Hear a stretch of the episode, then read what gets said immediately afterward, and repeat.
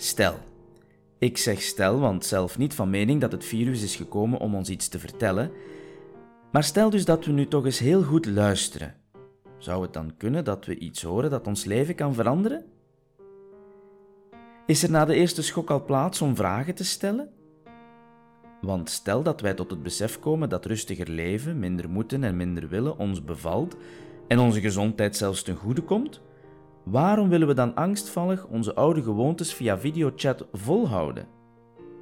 Mijn kinderen speelden nooit eerder zoveel buiten als de afgelopen weken.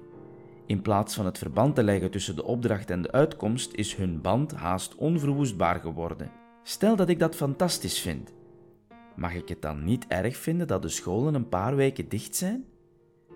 Stel, en ik zeg stel, want ik vind het prima om alles vele malen te overdenken, maar stel dus dat wij iets willen leren van een crisis. Waarom zouden wij dan misschien binnenkort een halve aardappeloogst vernietigen?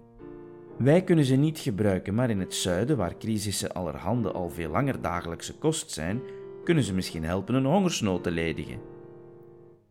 Ik zeg stel, want de boer hier zal aan die naaste liefde wellicht geen cent verdienen, dus waarom die moeite?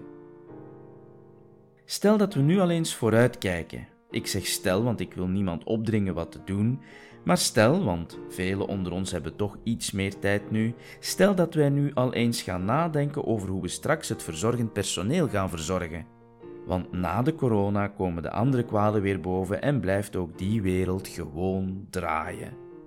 Geen extra vrije tijd, geen hindervergoeding, maar waarom voor hen geen risicopremie?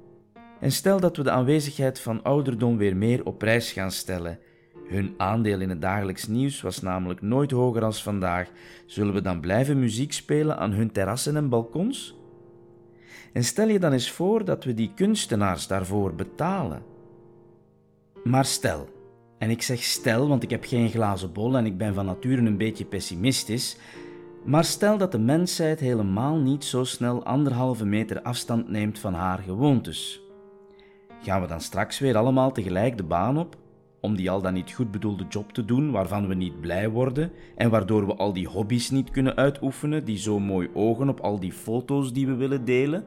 Gaan we straks terug vrolijk hand in hand met al die gewoontes waarvan we nu merken dat we er misschien best een paar kunnen missen?